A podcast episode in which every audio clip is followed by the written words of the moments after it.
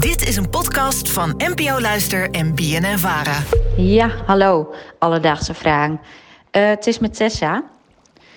Ik had eigenlijk een kort maar krachtige vraag. Waarom is pittig eten eigenlijk zo lekker om te eten? Nou, groetjes. Hoi. Alledaagse vragen. NPO Luister. Tessa, dankjewel voor het insturen van je vraag. Ja, eh, pittig eten. Merel, ben jij een liefhebber? Zeker. Ja. In de loop der jaren ook wel meer geworden. Want het is toch wel iets wat je een beetje moet trainen, denk ik.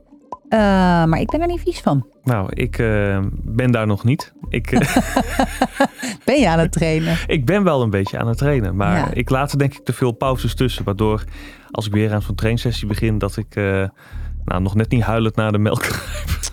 Aaron toch. Ja, ik heb ook wel vrienden die echt leven voor pittig eten. Die zeg maar bij het ontbijt al beginnen, zullen we maar zeggen. Allemachtig. En dan wordt op een gegeven moment een beetje een soort van wedstrijd. Wie, wie kan het allerpittigst? Ik kan ook wel overdrijven. Dat is wel mijn visie. Ja. Moet de rest van de smaak moet wel overblijven. Dat is waar. Uh, wel interessant wat je zegt. Het wordt een wedstrijd. Daar komen we later in deze aflevering oh. nog eventjes op terug. Uh, maar nu eerst terug naar de vraag van Tessa. Want ja, waarom is pittig eten toch zo lekker? Want in principe blijft het gewoon iets wat je lichaam in een lichte vorm pijn doet. Nou ja, jij moet uh, meteen ja, naar de melk pijn. rennen. ik leid pijn. Ja, nee, ik vind het ook een hele relevante vraag. Waarom zou iets lekker zijn waar je van in de fik gaat staan? nou, iemand die ons daar een antwoord op kan geven is voedingsonderzoeker Guido Kamps van de Wageningen Universiteit. En ik leg hem die vraag voor en hij zei het volgende. Ja, we moeten dus eigenlijk, als we het over smaak hebben, heel precies zijn. Dus uh, we hebben, als wij eten, dan heb je een hele eetervaring. En die eetervaring bestaat uit allemaal losse delen. En als we het in de wetenschap hebben over de smaken, dan hebben we het eigenlijk over de vijf basissmaken. Dus zoet, zout, bitter, zuur en umami.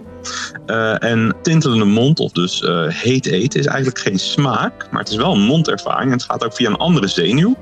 Het gaat via receptoren die eigenlijk te maken hebben dus met hitte en met pijn. En het is een molecuul, capsaïne, die dat activeert. En dat is dus, um, gaat via een andere zenuw, zoals bijvoorbeeld ook uh, de bubbeltjes die je proeft in een glas frisdrank.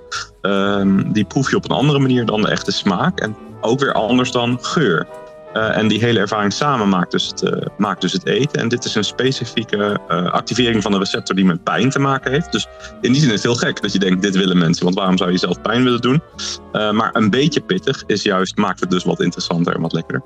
Die pittigheid in het eten, die vormt dus een smaaksensatie op aanvulling van de smaken die we al kennen. Ja, precies. Het is gewoon de hele beleving. Mondgevoel, ja, ik snap het eigenlijk wel. Dan ga ik nu eventjes terug naar wat jij in het begin aankaartte. De wedstrijd. Wie kan er het meest pittig eten? Want naast dat de pittigheid van eten invloed heeft op hoe wij het proeven, is er nog een onderdeel dat kan verklaren waarom wij het, uh, ondanks dat het zo scherp is, toch lekker vinden of leuk vinden om te eten. En dat is namelijk een psychologisch onderdeel. Uit onderzoek blijkt dat flink pittig eten, dat kan gewoon adrenaline bij je opwekken.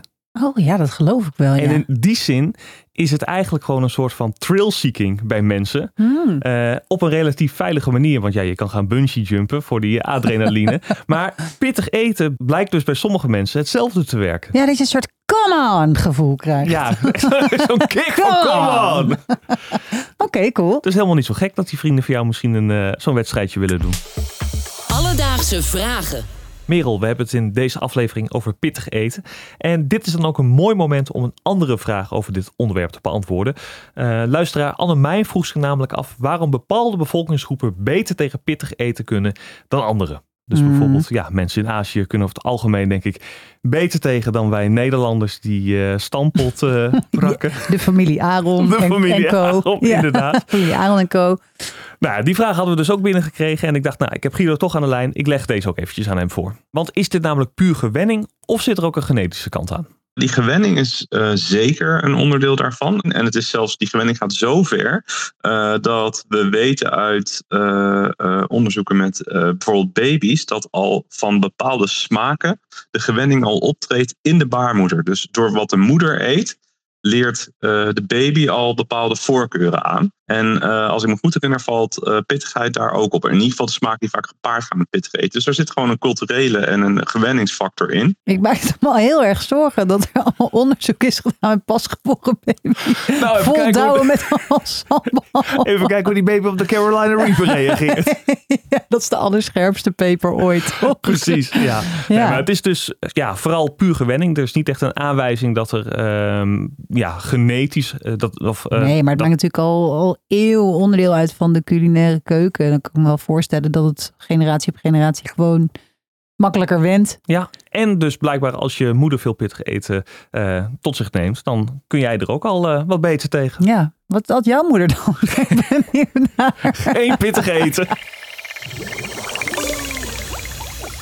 Dus Tessa, vandaag zochten we voor je uit waarom we toch pittig eten. En eigenlijk zijn er twee redenen voor. Enerzijds geeft pittigheid een andere eetervaring die een aanvulling vormt op onze standaard manier van proeven. En daarnaast is scherp eten ook een psychologische uitdaging. Omdat het ons pijn doet, kan er bij sommige mensen een vorm van thrill-seeking zijn, waarbij adrenaline vrijkomt en het dus een spannende ervaring is, maar ja, die toch wel een beetje veilig is. Heb jij ook een vraag? Stuur ons dan een bericht op Instagram. Dat kan naar Alledaagse Vragen. Maar je mag ons ook mailen op alledaagsvragen.bnnvara.nl en dan zoek het voor je uit. Alledaagse Vragen. NPO Luister. BNN Vara.